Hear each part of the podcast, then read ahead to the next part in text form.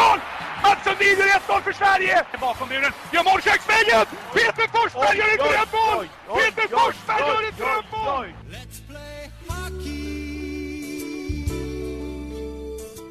Välkomna till eh, Hockeystudions podd eh, och eh, vi har den stora glädjen att meddela att vi har ett nyförvärv i vårt poddrum.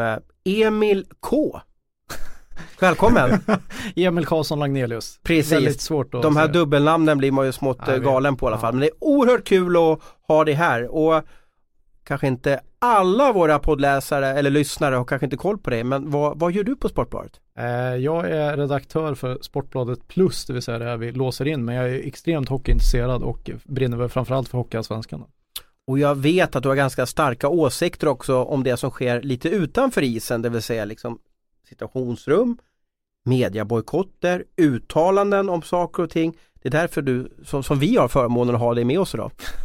Jag blir inkvoterad på det. Ja, ja men det var bra. Mm. Och så har vi Abis med oss också, kul att ha dig här. Ja, det är alltid lika roligt att vara här Thomas. Men hör ni pojkar, vilken fantastisk start det har blivit på det här eh, slutspelet och, och kvalspelet med, med, med Västerviks debacle häromdagen. Vi har Petter Lasun Nilssons ja, utbrott kan vi kalla det för då och vi har Wikegårds eh, tankar om situationsrummet och situationsrummets eh, chef då.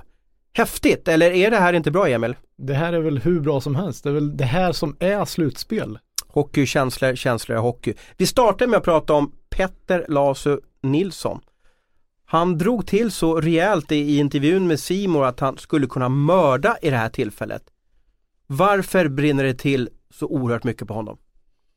Eh, ja, jag tror nog så här att jag vet att våran kollega Johan Håkansson var lite inne på det där. Jag, jag, jag jag är beredd att hålla med honom där. Alltså Luleå, har inte, Luleå är inte någon klubb i balans den här säsongen. Det har varit väldigt mycket konstiga saker där och jag tror att någonstans att det här är ett utlopp för den här frustrationen och det här missnöjet med att liksom inte klubben går i takt och att det inte är någonting som fungerar. Det tror jag spelar, spelar in i det här. Det, är ju liksom, det här var ju det slutgiltiga slutpunkten på en fiaskosäsong eh, de la Grande för, för Luleå. Och det tror jag mycket av den här frustrationen som har byggts upp under, under säsongen kom ut genom Petter Lasse Nilssons mun där.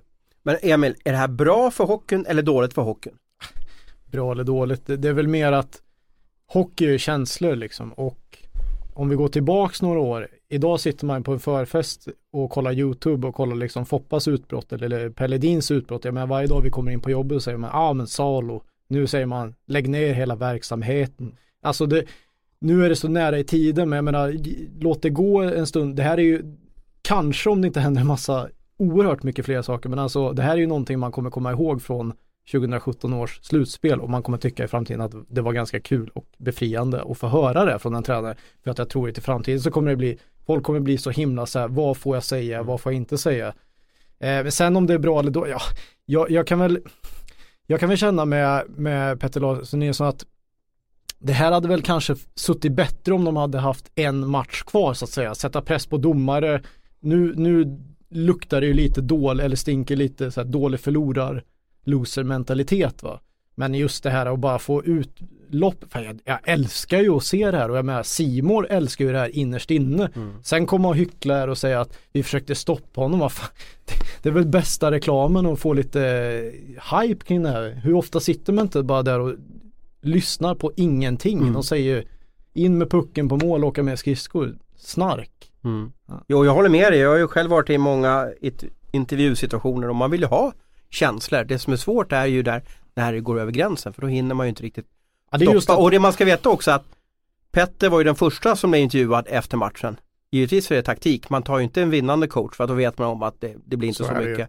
Här tar de en förlorande coach som är förmodligen besviken och sen blir det liksom Ja, rak- är raketcitat då. ja, raketcitat och jag älskar ju liksom det här att han bara, han går igång av sin egen puls liksom. Men det är just domare som är väldigt utsatta. Det är ju också lite olyckligt. Det hade kanske varit roligare om det hade varit liksom motståndartränare eller alltså, förstår vad jag menar liksom att nu sparkar man ju lite neråt på ett sätt. Mm. Liksom. Men, men är det inte lite lattjo då att då ska han nästan, han blir alltså straffad för någonting som han säger som vi i media nästan på något sätt vill att han ska säga. Och då kliver SHL, SHL in och tyck, säger nej nej, ajabaja det får du inte göra. Nu, nu sätter vi eh, eh, duct tape på din mun här och ser till så att du inte får prata något mer. Ja, men jag känner så här lite grann, alltså ska man ska man eh, rasa så får man ju fan göra det med lite stil kan jag tycka. Jag tycker det, det, det han vräker ur sig. I, alltså idrotten och ishockeyn pratar man om att man vill vara en kraft i samhället, man vill liksom vara förebilder, man vill vara Alltså då får man välja, antingen får man gå den vägen och vara det eller också får man vara kvar på liksom det här grottstadiet liksom och då får det vara okej okay, liksom, att man bräker ut så att man vill mörda och liksom Och sen står man dagen efter och gråter liksom i alltså, jag, jag, alltså jag tycker båda de här två grejerna från hans sida Jag, jag, jag hittar inte jättemycket respekt i det om jag ska vara helt ärlig. Jag, jag, för, för, min del så är det ett big no. Liksom. Jag, jag, känner att utbrottet är helt osmakligt kan jag tycka. Gärna tjänster, absolut. Men viss stil måste vi ju ha om nu idrotten ska, ska vara den här samlande kraften och man ska vara ett föredöme och det här. Och sen, jag, jag, jag, tycker det är konstigt där också dagen efter när man helt plötsligt står med mördarblick kvällen innan och sen sitter och gråter dagen efter. För mig känns det ja, lite jag, konstlat. Jag, blir nog mer upprörd över den här ursäkten som jag gissar, det här är ju bara en gissning men jag kan tänka mig att det är presschefer och eh, det är stall, stall, stallorder på det där. Det skulle jag Att de ska gråta? Ja, gråta vet du fan men, men just den här uh, det kom väl ett, ett citat redan på kvällen där att jag ber om ursäkt om jag har skadat uh, Luleå Hockey och allting sånt där. Det är ju, känns ju ganska tillrättalagt ska vi säga. Och nu ska Petter Lasu Nilsson sluta igen med att träna det. tror att vi får se honom igen i ett bås eller tror att han är bränd lite av media faktiskt? Jag tror att när eh, krutröken har lagt sig så, så står han tre år i båset med Thomas Berglund där. Det, det är vad jag tror. Vi får väl se. Eh, det var en snarlik händelse eh, igår där Niklas Wikegård, expert på Simor gick ut också och pratade om hans syn på Christer Erking, chef för situationsrummet. Och även där så eh, blev det ganska kraftfulla citat från herr Wikegård eh, Får man inte kritisera situationsrummet? Jo det är klart man får. Jag menar Wikegård har en roll som expert och anställer du Wikegård så vet du exakt vad du får. Du vill ha skarpa åsikter, du vill ha den här typen av uttalanden till viss del. Sen har han ju även Eh, sen har han även sina analyser om spelet hockey och sådana saker. Men det, för mig är det fullständigt befängt att man ska utreda honom för det här. Jag vet inte vad, vad är nästa steg då? Ska de utreda mig eller dig Thomas för att vi skriver något eh, personligt angrepp på någon spelare som har varit dålig? Eller vad, vad är liksom frågan om? Ska, ska Aftonbladet utreda oss för att vi har kritiserat en, en, en spelare eller en domare eller ett domarrum eller ett situationsrum? Jag, nej, jag, för mig är det ju, jag fattar ingenting. Ja, lite tråkigt att jag håller med här då. Men jag, det är just det, jag, hittade ju en, en, artikel här från 2008 då där, där Wikegård eh, redan då, då sågar Lärking. Men det som är intressant i det det är ju ett mastodonttillägg här med liksom ett axplock av Wikegårds sågningar. Det är ju inte så första gången han sågar direkt och han har ju sågat ganska hårt där. Det var ju Linus Omark som hade käkat för mycket marshmallows och, och eh, allt vad det var liksom. Robert att, Nilsson fick sig en känga också. Ja precis och folk har varit eh, feta och lata och otränade och allt, allt möjligt. Så att om nu Simon eller TV4 har anställt Wikegård så vet de ju vad de får. Och precis som jag säger det här hyckleriet med Petter Lasse Nilsson. De sitter ju alla tv-cheferna när han säger det och bara yes äntligen händer det någonting. Och sen så är det ett hyckleri att man måste fördöma då. Men måste vi, inte, måste vi inte skydda situationsrummet och domarna på något sätt? Hur ska vi kunna få en ny rekrytering av, av, av unga domare när de blir totalsågade så här som, som som de blir av både eh, vår vän Petter och, och Wikegård. Jo men det kanske är dags att, att det blir en förändring i situationen. Det finns ju en anledning till att kritiken är så stark naturligtvis. Att det kanske inte är rätt person som, som sitter där. Det kanske vi också måste vara, vara överens om. Och hur vill du ha det? Hur vill du att eh, svensk hockey, SHL ska funka om vi bortser från Hockeyallsvenskan? Vilken makt ska ett rum i Stockholm ha på resultaten av matcherna? Ja, jag, jag är av den åsikten att jag tycker att vi måste släppa tillbaks eh, stor del av makten till, till domarna på isen. För jag har varit positiv till det här med situationsrum och jag tyckte att det var bra men jag tycker inte längre att det har gått i, i rätt riktning. Utan jag tycker att det är alldeles för mycket situationer som bedöms därifrån och alldeles för lite beslut som tas på isen. Domarna har ju gått från att vara de här matchledarna som bestämmer till att vara nickedockor som står där nere och får direktiv om vad de ska, vad de ska döma och inte döma. Så att eh, där någonstans så tycker jag att vi måste måste få tillbaka det till domarna. Men det där är ju en komplicerad fråga. Det handlar ju också om, det handlar ju till stor del om, om oss journalister. Ska vi hålla på och älta de här situationerna som domarna gör fel gång på gång på gång så kommer deras situation också bli ohållbar på isen där. Och samma med med de här simor sändningarna där man också vevar, vevar situationerna gång på gång på gång eller på mediakuben i arena. Så där måste nog hela hela hockeyfamiljen ta ett beslut hur vi vill ha det. Ska vi liksom låta domarna döma på isen och även acceptera misstag i större omfattning än vad vi gör idag? Eller ska vi ha det som vi har det nu där allt ska vara med millimeterrättvisa men där vi får ett eh, ganska styltig eh, produkt på, på isen. Kan Vi får ganska långa avbrott ibland också som Ja. hackar upp matcherna rätt bra. Jag har ju varit runt lite senaste veckan här. Jag har kollat matcher i Nobelhallen, jag har kollat matcher i Smidegrav och jag var i Västervik häromdagen då. Eh, för det första så är ju, om det finns en mediakub eller jumbotron så ser man knappt bilderna på vad, vad som sker. Men det blir inget tjafs. Man, det är mål, jaha, inte mål, jaha, bortdömt. Jaha, en tackling, ja en tackling, ja inte så mycket strul och så vidare. I SHL är ju, och det är ju på gott och ont, då har du kanske 12 HD-kameror som ser varenda centimeter på isen och man har möjlighet att klippa ut eh, eh, det här som sker och visa det på eh, en typ av jumbotron som man har i Skellefteå som är stor som en fyra på, på Östermalm.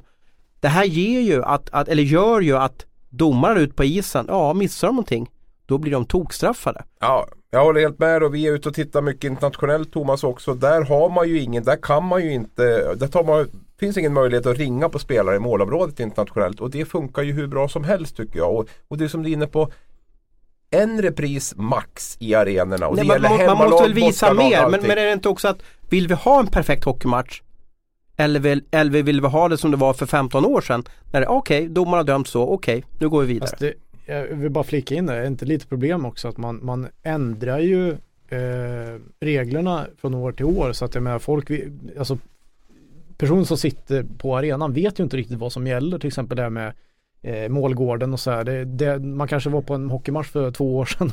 Ja, men man är inte riktigt med på vad som är rätt och fel. Alltså man får ju aldrig en förklaring som varken, som tv-tittare får du ju förklaring varför de dömde bort men den informationen nås ju inte ute i arenan på något sätt. Nej, måste man veta allting hela tiden. Jag tänker på det här när vi är ute på VM och allting. Måste publiken veta någonting? Det, Jag- jag då, då att vi- domarna säger jag- att det blir inte mål och sen så kör man därifrån från det. Jag tycker att de som är i arenan ska ha samma, samma service som de framför Ja, jag håller tv-soffan. med Ros där faktiskt. Jag, jag kan... eh, Annars blir värdelöst håller att gå och se matchen. Robert, Men det här... Men det, det, min fråga är igen, jag vet inte om jag riktigt får svar på Det det, här. som en- Vill det vi ha en en perfekt hockeymatch? Vill vi ha det? Vill vi ha Nej. en perfekt Nej. hockeymatch?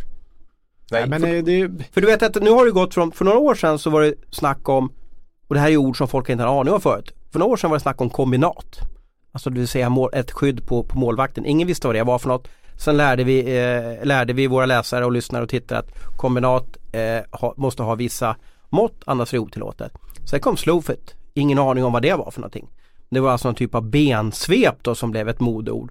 Och nu har vi alltså goaltender interference som är, och, eh, som är någon typ av modeord just nu och nu är man livsfarlig för att någon jäkel ska vara inne med, med, med en skridsko eller som Wikegård sa andas lite på domaren eller på målvakten då och så blir det avblåst. Eh, Jag vet inte, var, var hamnade fokusen på sporten? Var hamnade fokusen på det fina målet eller, jag- eller, ta- eller, eller den här Ja fina men det finten? fokuseras på det också. Nu låter det som de här tråkiga som säger att vi bara skriver negativa artiklar och så skriver vi 80% positivt och 20% negativt men man uppmärksammar bara det positiva.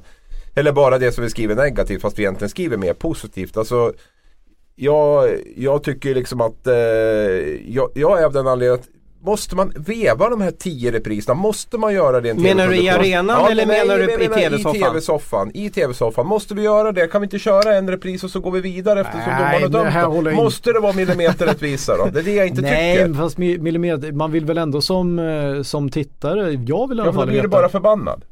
Om det nu är fel. För du kan alltid hitta något fel i någon situation. Du kan alltid hitta en litet, litet frö till att det kanske borde ha varit bortdömt för han var där och touchade i det. Måste vi ha det så då? Ja, jag, jag vill ju helst att det blir rätt. Ja, men då är du för millimeterrättvisa och det är där men vi är idag. Det är där vi är idag. För tittar man på de här Millimeterrättvisa, Man får väl situationerna. välja situationerna vilka man, eh, men jag menar ett mål är väl ganska, är väl ganska avgörande i en hockeymatch. Det kan väl jag tycka är Ja, men som man sa förr, det jämnar ju ut sig över en lång säsong. Det blir Och det kan ju också vara, målet kanske var godkänt men sen kan det vara en icing innan målet som man, som man slår bort eller dömer för. Ja. Och så blev det mål här. Exempelvis vi har den här händelsen då i Karlstad i, på, på onsdagskvällen. När eh, Reideborn blev slashad när han hade pucken eh, i plockhandsken. I alla fall man kan Mm. tycka att det var så. Och slutade med att en back i Djurgården, Urbom, blev förbannad på Alexander Johansson och gav honom en, en hurvel och så blev han utvisad och så gjorde Färjestad mål. Du förstår vad jag menar? Man kan liksom bygga vidare här. När, Ja. Var går gränsen för en perfekt hockeymatch? Jag tycker att vi, vi, vi kan inte ha det så här för det blir mycket, för, för mycket tugg och för mycket fokus på det i alla fall. Ja. Vi är helt överens där Thomas, jag håller helt med dig.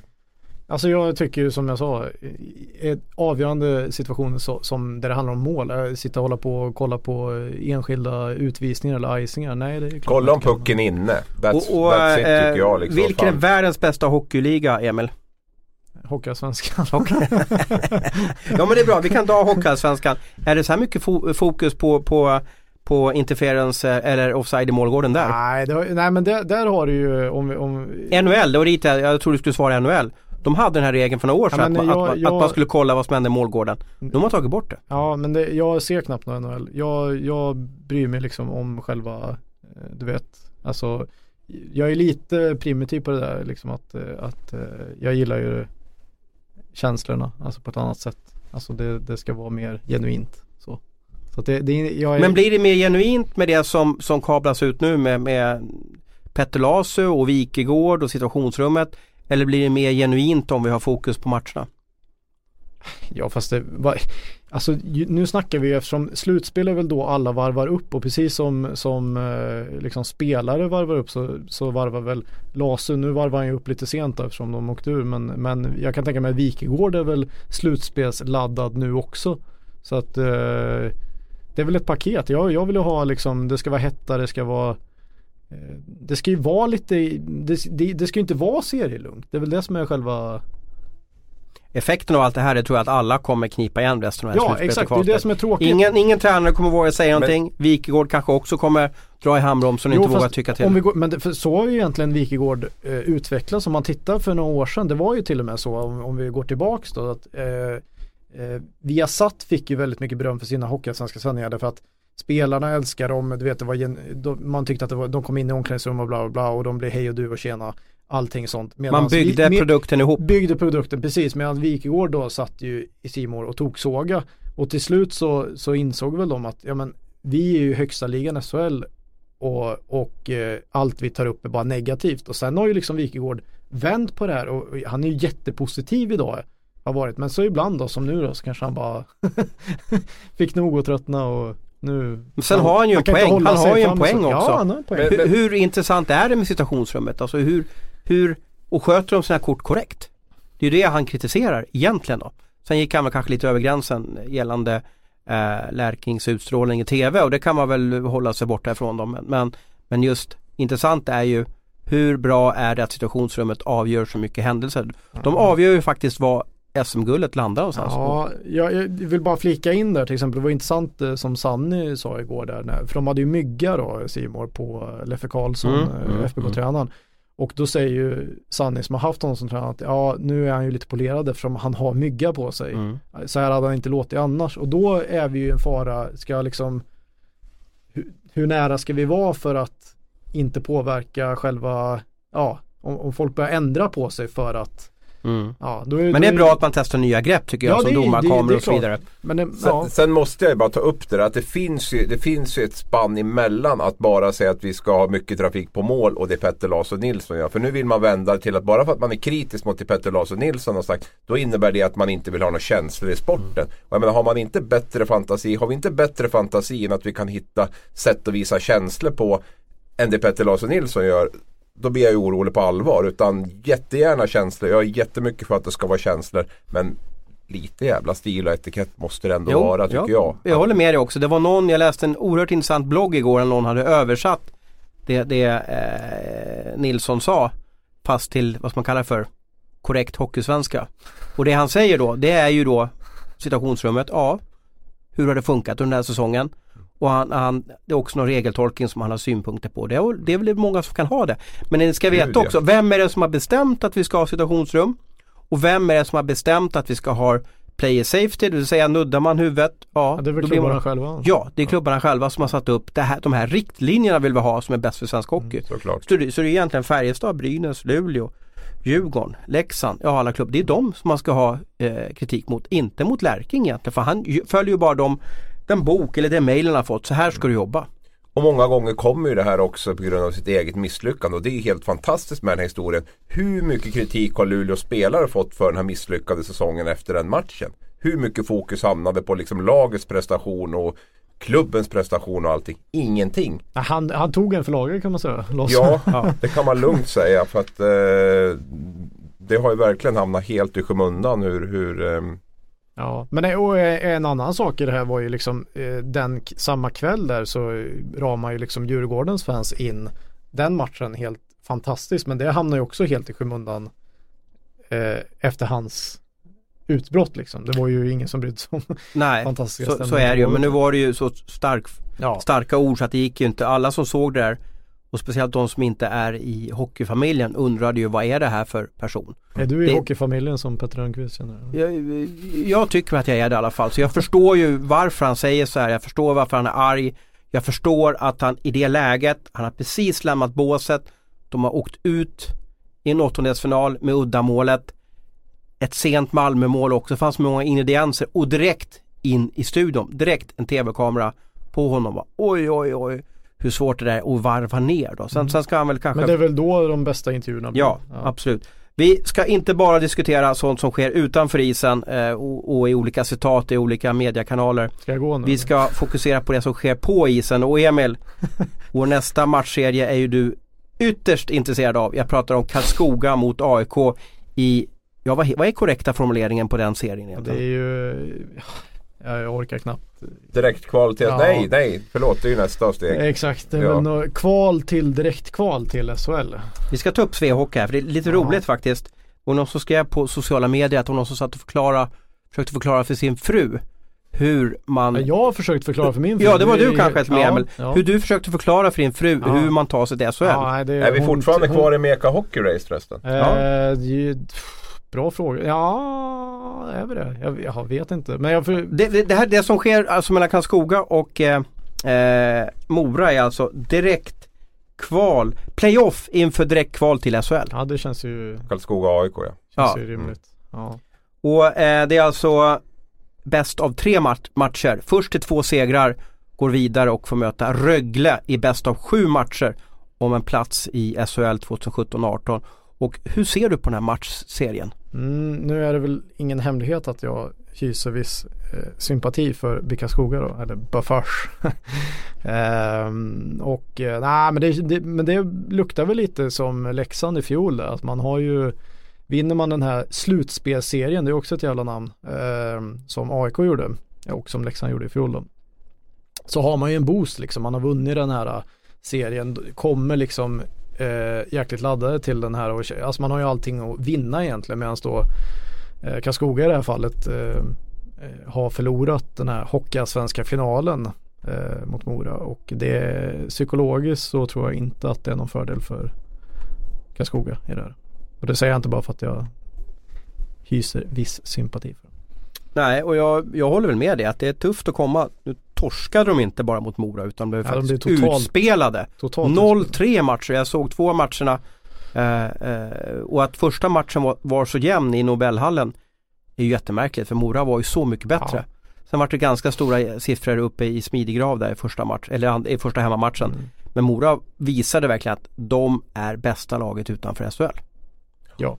Och den allsvenska finalen känns ju som att det är riktig nitlott om man förlorar den. För det var väl lika för två år sedan där med Västerås. Vi hade väl Tingsryd ja, förra året ja. och sen har vi ju Bofors nu då mm. som ingen kanske tror kommer att gå dit. Och det sätter ju också det på sitt spel. Ska vi ha en allsvensk final?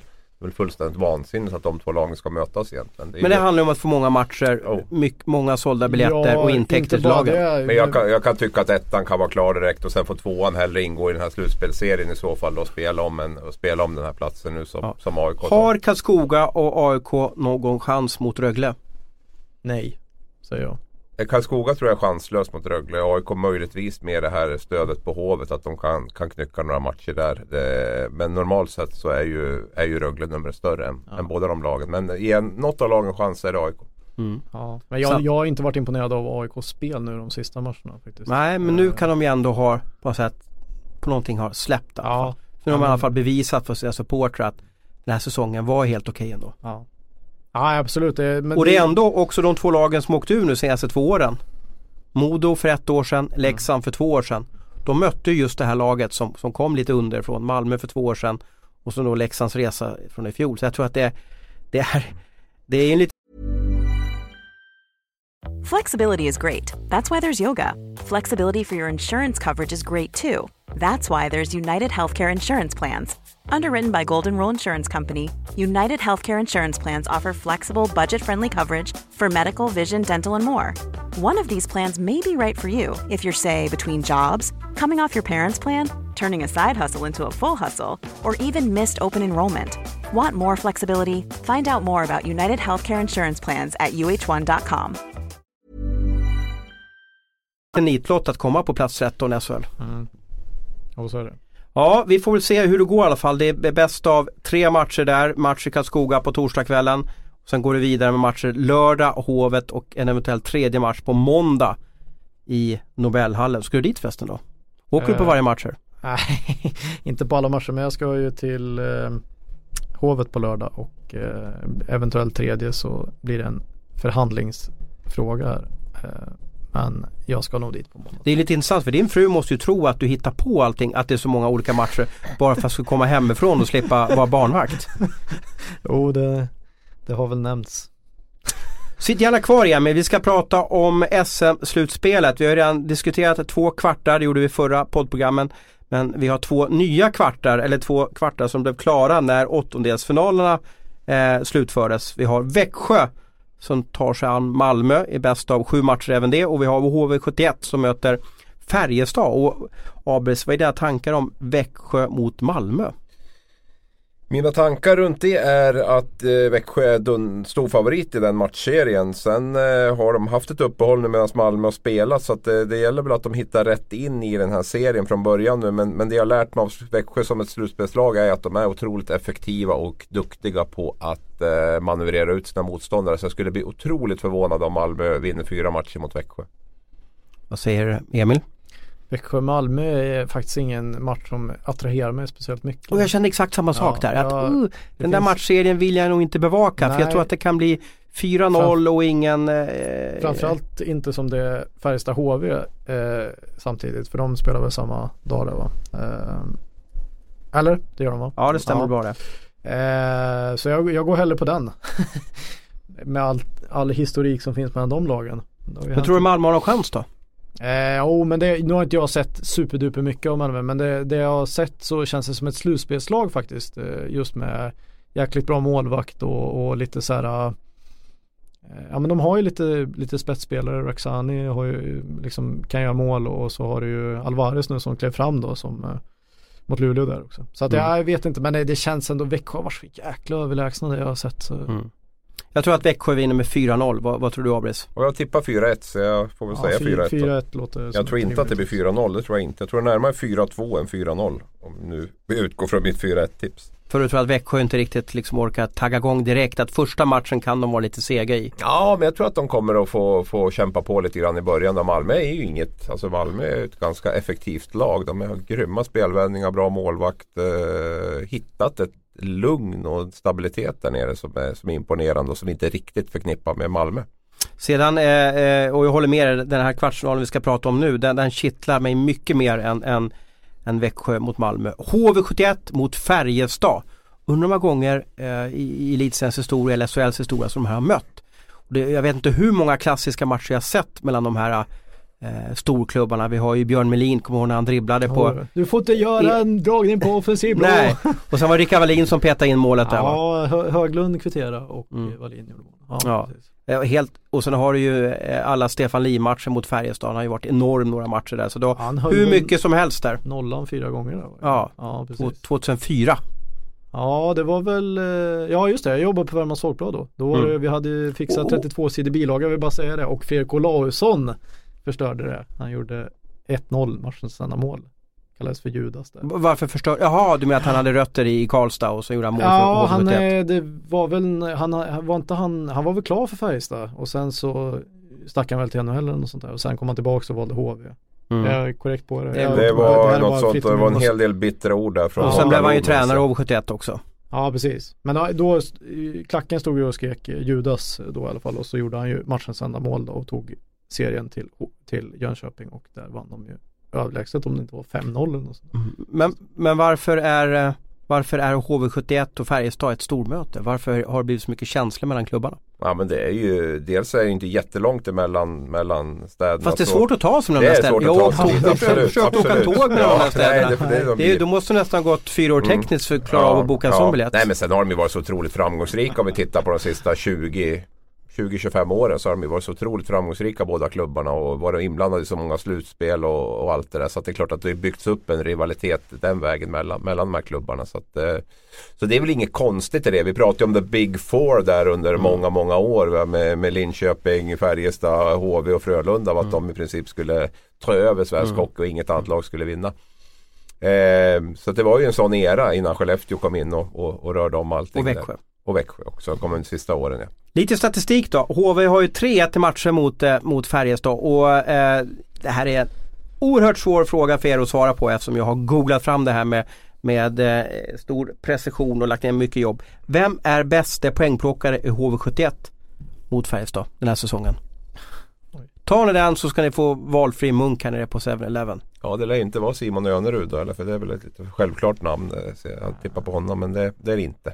Det är en spelare som har fått beskedet att, att han inte får nytt kontrakt i HV71. Adam Almqvist. Precis, han har fyra stycken poäng mot, eh, mot, mot Färjestad. Eh, Sånt här statistik, är det bara dravel eller har, har du någon vikt för matchserien?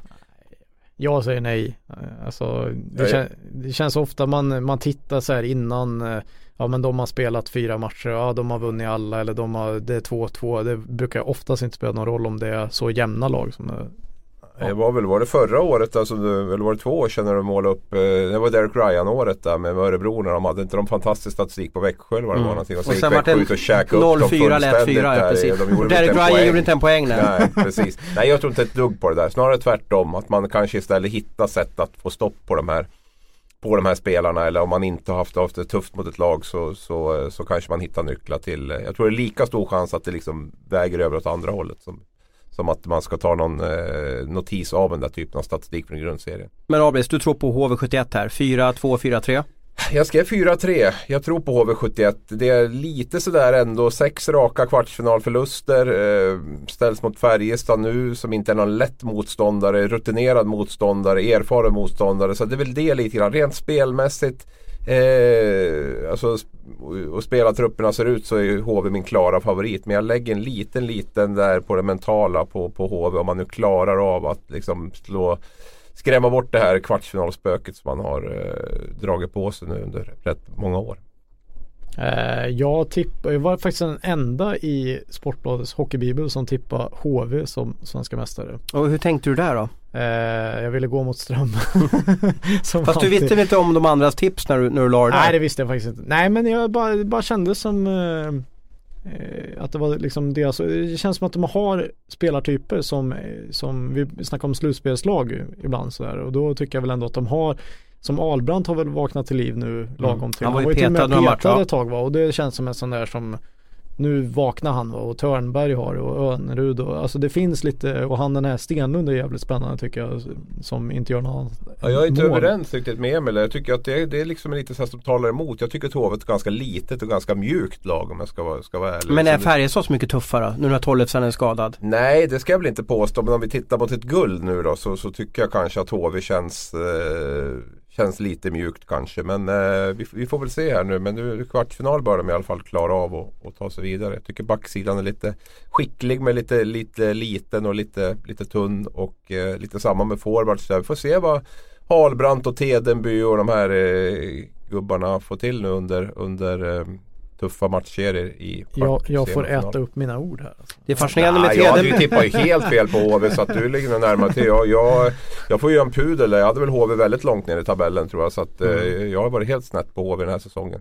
Jag- Jag trodde nog på HV, jag, jag vet inte, det finns någonting i den där klubben, nå- någon vinnar, ja, någon vinnarmentalitet djupt inpräntat. Jag vet inte om det är snöret som Johan Davidsson som sportchef där som har, som har lagt sin, sin eh, aura över omklädningsrummet. Då. Men det finns någonting i den där klubben, man kan aldrig riktigt räkna bort dem. Men ändå så är det ju sex slutspel i rad de har åkt ut i kvarten. Så de har lite press på sig nu att, att, eh, att slå Färjestad. De ska ju vara favoriter. Men du, det finns en statistikgrej som är oerhört häftigt här. Det är Mattias Tedenby.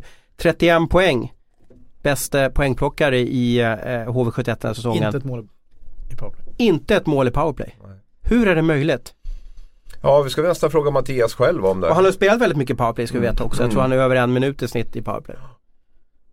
Ja, det, Men, är, men är du som har själv varit på isen Abris, är det bara att ibland så så funkar det inte i den spelformen att man känner press på sig, nu ska man leverera. Eller är det att han inte riktigt, det blir direktpassningar och skott och det är kanske inte är hans grej, att han vill mer snurra in den fem mot fem. Jag har ingen bra förklaring för det är ju fullständigt, det är ju jättemärkligt som du säger att han har spelat mycket också i powerplay och inte fått med sig en enda poäng. Det, alltså, det, det går nog inte att förklara det på något sätt. Jag, jag, jag har ingen bra förklaring till det. För hur, hur illa det än stämmer så ska man ju kunna få med sig ett andra ass eller någonting i alla fall i, i, i ett powerplay där. Så att det är ju Nej, det får vi skicka till någon som eh, vi får fråga Mattias själv efter första matchen där om han gör ett powerplay Ja, mål. eller vi ska fråga- analysera det med, med, med, med, med HVs coacher där jag kanske. tänkte precis jag får fråga Lindbom, jag kommer ihåg eh, den före Färjestad-snipern Dieter Kalt. Om Mhm. du kommer ihåg honom. Mm, namedroppar vi lite klassiska ja, namn han, eh, han eh, hade ju en sån, sån där säsong där han först då gjorde en jävla massa mål och sen gjorde han ingenting och då sa han att jag har fått spela för lite i powerplay och då svarade Bengt-Åke Gustafsson att med tanke på hur jävla mycket han har fått spela och inte gjort ett enda mål så han spelade alldeles för mycket. Det var en liten sido. Mm. Ja men det är bra med, med, med inte lite anekdoter. Vad domar, eller målvaktsfrågan där, inte domare, vi ska sluta prata om domare, vi ska ha fokus på sporten och hockey och, och sköna insatser. Eh, målvaktsstatistiken just för HV71 är intressant. Fredrik Pettersson Wenzel har 1,01 i insläppt målsnitt då. Och Linus Söderström har 1,50 i målsnitt då, just mot, mot Färjestad. Det är ju oerhört bra statistik. Vem väljer Lindblom att ställa mot eh, Färjestad? Ja det är ju en jättebra fråga där. Jag, jag, jag tror ju att de kommer att gå på Linus och starta med Linus där i alla fall till, till att börja med Linus Söderström då. Ehm, Det är mitt tips. Ja, jag vet inte men det är lite kittlande i alla fall med att PV har spelat i Färjestad. Jag vet inte hur Mm. mycket det är. Jag, vet, jag, jag har inte statistik på hur han har spelat just mot Ja, 1,01 mot ja, Färjestad. Mot Färjestad. Ja. Ja. De stått två matcher vardera och, och jag trodde inte PV, som Pettersson Wenzel kallas för, hade så bra statistik mot Färjestad. Nu har ju HV spelat bra i samtliga matcher mot mot Det kan, Färjestad. kanske blir så att man, eh, man kan spelarna man har spelat upp och Ja, samt har ju Linus varit enorm senaste månaden, eller hela 2017, så det blir jättesvårt att peta honom. Men samtidigt Linus i ett slutspel, jag vet ju inte vad som kan ske där. Eh, killen går ju faktiskt på rookie-kontrakt i SHL och är första senior med, med allt vad det innebär. Att det, det är inte så lätt att bara gå in i ett slutspel och dominera. Nej, och det är väl mycket möjligt också att HV kommer att, kommer att spela båda sina målvakter. Det ser jag inte alls som osannolikt. För det känns ju inte kanske som att de har någon sån där solklar etta där heller som kommer att, kommer att stå alla matcher. Utan det kan nog bli att man kommer att skifta om lite grann under, redan under kvartsfinalserien är mitt tips. HV vinner med 4-3, Abris Ja. och Emil. HV vinner med 4-2. Härligt. Vi ska avsluta med några minuter om det som sker nästa vecka. På onsdag startar det som man i Dalarna kallar för sista slaget. Och Emil, man målar ju upp den här matchen som det är enormt att det hela hockeyvärlden typ är engagerad i det här och att allt står på spel. Det, det är som hela Sveriges BNP står på spel i den här matchen. Hur stor är den här matchen utanför Dalarna? Eh, Går du igång på den alltså? jag Får du går puls av igång den? alldeles enormt på den här matchen faktiskt. Jag kan inte förklara varför jag gör det men så är det. Är det eh, din irritation mot Leksand som gör att du går igång på eller vad är det som gör att du blir Alltså lite jag taggad? gillar ju båda de här klubbarna. Eh, jag gillar ju som sagt lag som, alltså nu är ju Leksand mer en stor klubb på det sättet men, men det är ju ändå från små bygder och eh, jag gillar ju det här eh, alltså fansens kärlek så att säga till de här lagen eh, kanske ännu mer då med Leksand är ju så populärt så att säga utanför Leksand medan Mora då, där är det väl mest folk som bor i Mora som håller på dem. Men det är Mm. ändå jäkligt kittlande. Och så just det här med historiken att det här helt galna vändningar eller när de vann med 6-0 då liksom. Och sen det här Montpetit och allting. Det kan ju bara säga att de får stryk mot Mora. De kan ju liksom ta de här vykorten med Montpetit och bränna upp ungefär. Det är ju inte värt ett smack om de skulle få stryk mot Mora. Nej, men man, man menar ju på, lite på att okej Det lag som vinner den här matchen kommer spela SHL för all evighet och det lag som förlorar den här matchen har inte en chans på SHL. Det är lite så som undertonen är med det sista slaget. ja. Håller du med om det? Att det här är sista chansen att gå upp till SHL? Vi har ett nytt tv-avtal. Det har säkert inte någon missat att det eh, tickar in ett nytt tv-avtal om ett år, det vill säga från säsongen 18-19 Mm. så får SHL-klubbarna jättemycket pengar att spendera på spelare, jumbotron, eh, kanslipersonal, eh, Instagram-experter och så vidare. Skillnaden mellan SHL och Hockeyallsvenskan Ja. kommer bli stor. Säg så här, eh, jag, ja, jag är med på att, att jag tror att det kommer bli typ omöjligt eftersom det kommer bli så enorma skillnader. Men jag tror inte SHL ger sig riktigt innan de har fått upp rätt lag så att säga. Leksand är ju ett lag de vill. Så jag tror ju på sikt att jag vet inte hur de ska lyckas men de, på något sätt kommer de skruva åt så att de får rätt lag och den dagen alla rätta lag är där så då kan det nog Jag är ju inne på att Mora vinner, att, de, eh, att den här kraften som finns i att man har allt att vinna när man kommer underifrån. Att Mm. man inte behöver vara nervös en enda sekund ute på isen och Mm. att läxingarna som har så mycket att förlora, de kan kolla, snegla upp från isen i, i Tegera Arena och kolla upp på kansliet och veta om att oj, förlorar de här matcherna så är det tre, fyra personer Mm. på kansliet som, som blir arbetslösa och får svårt att sätta mat på bordet hemma. Det är oerhört tufft att spela hockey under sådana premisser. Ja, nej men absolut är det så. Jag tänkte Men du tror att Leksand vinner ändå? Jag tror att Leksand vinner ändå. Jag tror någonstans ändå att de har ett bättre lag och jag tror att de kommer hantera det på ett, eh, på ett bra sätt. Eh, Jag tror också att det är en fördel för Leksand att Mora har ändå vilat ganska länge nu inför. Jag tror även att Mora börjar tänka lite mera på, på vad det kan innebära att eh, de här matcherna, vad det, vad det betyder och vad det innebär. Och det tror jag liksom kan sätta lite funderingar i huvudet även på Mora faktiskt. Jag tror nästan det har varit en fördel för dem om de bara hade fått rulla på med matcher Och möta. Rögle istället, alltså det vill säga det har inte blivit den här fokusen på sista slaget. Eh, Ja, men jag tror Mitt också att de media pumpar ju, pumpar på, Ja. vi pumpar på. Ja. Eh, det, det blir en huvudnyhet när man bara får veta hur många biljetter som släpps till, Mm. till vardera supportergruppering. Det, det, är, det är smått bisarrt hur, hur Hockeysverige kommer snegla på den här kampen. Det är intressant, jag tänkte komma till det. Mats Wennerholm, vår kollega, han listade ju lagen som berör mest i Hockeysverige. Mm. Och vet ni vad man hade som etta? Leksand. Nu spoilar du, eh, som jag som plusredaktör Jag vet, jag gråter ju när du spoilar Du det, skulle ju jag- börja från plats 14 så kunde vi gått uppåt här. Ja, men alltså det intressanta var att han har ju Leksand där. Jag har inte tänkt på Leksand så. Absolut ett lag som Men berör. vilket lag tycker du berör Ja men mest för då? mig är det Djurgården eller Färjestad. Liksom. Det, det är nummer ett för mig. Det är de två lagen som jag tycker berör mest. Mm. Jag, jag skulle nog säga Djurgården, men det är nog mer, alltså jag vet inte nu. Vilket lag säljer bäst på plus då? Och vi kan alltså berätta lite, ni som kanske inte fattar det. Emil Karlsson Lagnelius är alltså då plusredaktör för sporten, det vill säga han låser det. in eh, texter som han vet finns en stor betalningsvilja hos eh, er- er tittare och läsare för. Och då har han väldigt bra koll på och kontroll på vilka lag som säljer mest, så kan vi väl säga. Det låter lite elakt men det är ju faktiskt så, Så det det, är. du avslöjar mina affärs... Nej men du, du har väl ändå Ja. bra syn på vad Eh, berör, nej, men, vad eh, intresserar och engagerar Hockeysverige? Ja, nej men det är väl ingen, Lek- Leksand givetvis. Eh, sen när eh, vår kära kollega här, Abrahamsson, eh, gjorde sån här eh, inför, eh, alltså analys, analys av alla lag eh, som han gör, har gjort för andra säsongen i rad. Eh, då sålde ju HV bäst och HV låg väldigt bra förra året. Där finns ett genuint bra hockeyintresse och eh, ja, så har vi och, och då vill vi ju givetvis Men Mora då? Berör. Mora då? Mora berör de som eh, verkligen håller på Mora. Ja. Ja, Mora eh, är, men alla sådana här smålag, eh, eh, alltså typ Västervik och sådana här är ju, och Bickaskoga för den delen och eh, det finns ju Tingsryd, alltså de eh, man ska ju veta det att, att eh, i myllan i Hockeysverige så håller ju folk väldigt hårt på sina lag och blir väldigt glada när vi skriver eh, ja, när vi skriver om dem. Så om ni har undrat varför det är så många Leksandsmärken på plusinlåsta artiklar så har ni fått ett svar nu i alla fall. Äh, ja, men sen var det väl, ja, ja, nej men det, jag ska inte avslöja alla affärshemligheter. Men ja, nej men Leksand är, är populära, så är det. Men, men det, de berör ju, Eh, jag, jag, jag vill nog ge, jag sa Djurgården där, men det är ju lite det här att storstad, eh, småstad. Men om vi tar Leksand så är ju eh, hela den bygden andas ju bara Leksand Hockey och sen så har de så extremt många fans ute i Sverige också. Eh, Så att de är ju liksom, och så finns det ju de som stör sig på dem givetvis också efter gatstenar och allting. Så att det, det finns något där. Jag ska inte säga att vänner om har helt fel ut. Nej, eh, Abris tror ju på Leksand, jag tror på Mora.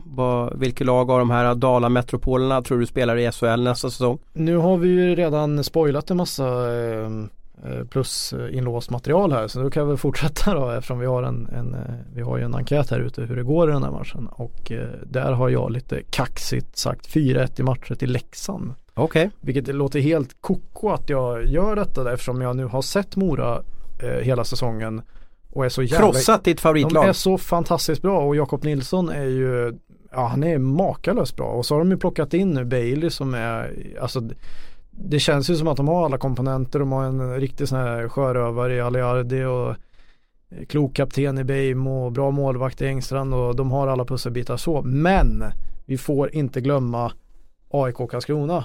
Det är det lite jag Mm. grundade på. AIK som var totalt överlägsna i Hockeyallsvenskan och möter då Karlskrona som, eh, jag vet inte, de var ju hur usla som helst och hur gick det? Mm.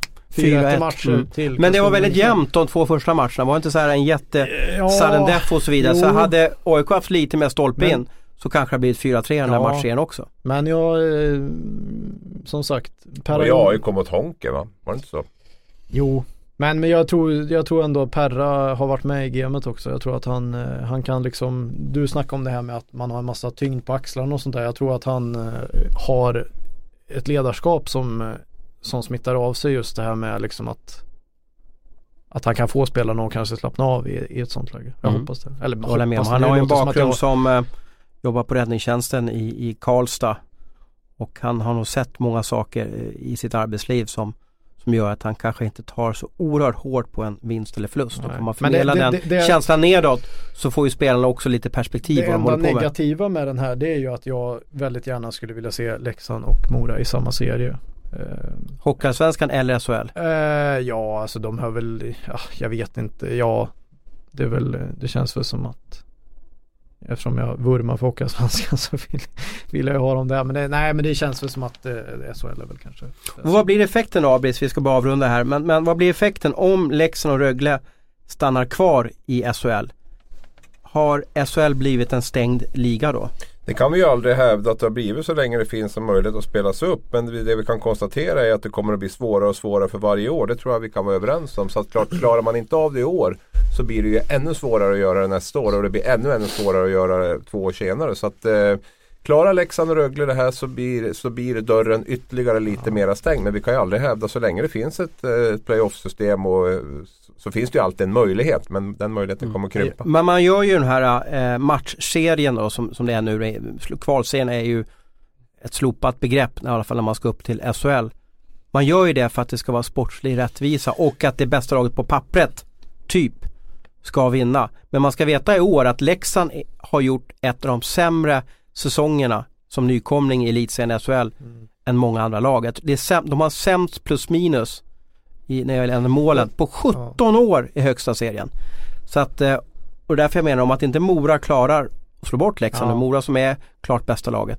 Om inte de gör det så Exakt. undrar jag hur det sker i Ja, framtiden. det, det, är det, det är det jag är inne lite på, eh, just det här med att eh, jag tror att det var en rejäl käftsmäll när man såg eh, som AIK då, då hade de här allsvenska lagen eh, sett AIK flyga iväg och vinna och så är de, har de eh, i stort sett chanslösa då mot Karlskrona. Och jag tror att det blir ju en fara hur mycket vågar man chansa.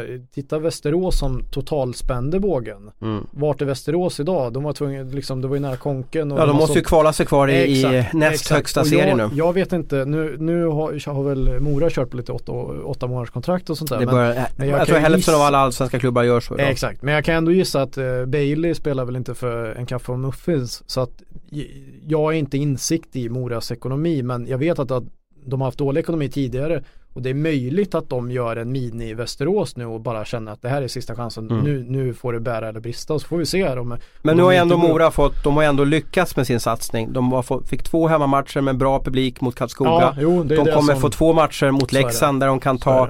Jag såg biljettpriserna för sittplats låg på 329 kronor. Så är det. Det vill säga det blir ett rejält tillskott. Så Så är det. Så är det. de intäkterna kan ju då rädda Moras säsong i alla fall. det. Men det blir tuffare när du spänner bågen. Mm. Och sen ham- hamnar du som Oskarshamn. Ja. Då är det jobbigt. Alltså ingen, du har inga matcher efter en, en, en grundserie om 52 omgångar. Då är det tufft. Ja. Du eh, gjorde en fantastisk insats i din eh, podddebut här i vår Hockeystudio-podd och vi har gjort en liten nystart efter nyåret här. Så att du är Så- hjärtligt välkommen tillbaka. Jag får fler chanser alltså. Ja, ja men det känns bra. Och Abris, du ska ut och jobba nu. Eh, hur ser din helg ut? Min helg ser ut som så att det blir Göteborg fredag, Linköping lördag och Gävle måndag. Söndag ska jag vara lite ledig. Vad blir din drömrubrik då? Oj! Oj, vi har världens längsta match i Skandinavium, är det så? Ja det är väl alltså första kvartsfinalen är väl kanske inte så, så att det är läge för att det blir sådana här drömrubriker så. Det är väl mer att de känner lite grann på varandra så det är svårt där. Men, men eh, jag vill gärna att det tänder till direkt i de där, båda de där matcherna. Framförallt Frölunda-Skellefteå att vi får en häftig första match i Skandinavium och att publiken sluter upp där. Det har varit lite si och så med biljettförsäljningen men de hoppas i alla fall på 9-10 tusen där så att eh, jag hoppas på en eh, häftig inledande match där. Tack så mycket. Jättekul att ni kunde vara med och bidra i den här podden. Tack Tack, själv. tack, tack, tack.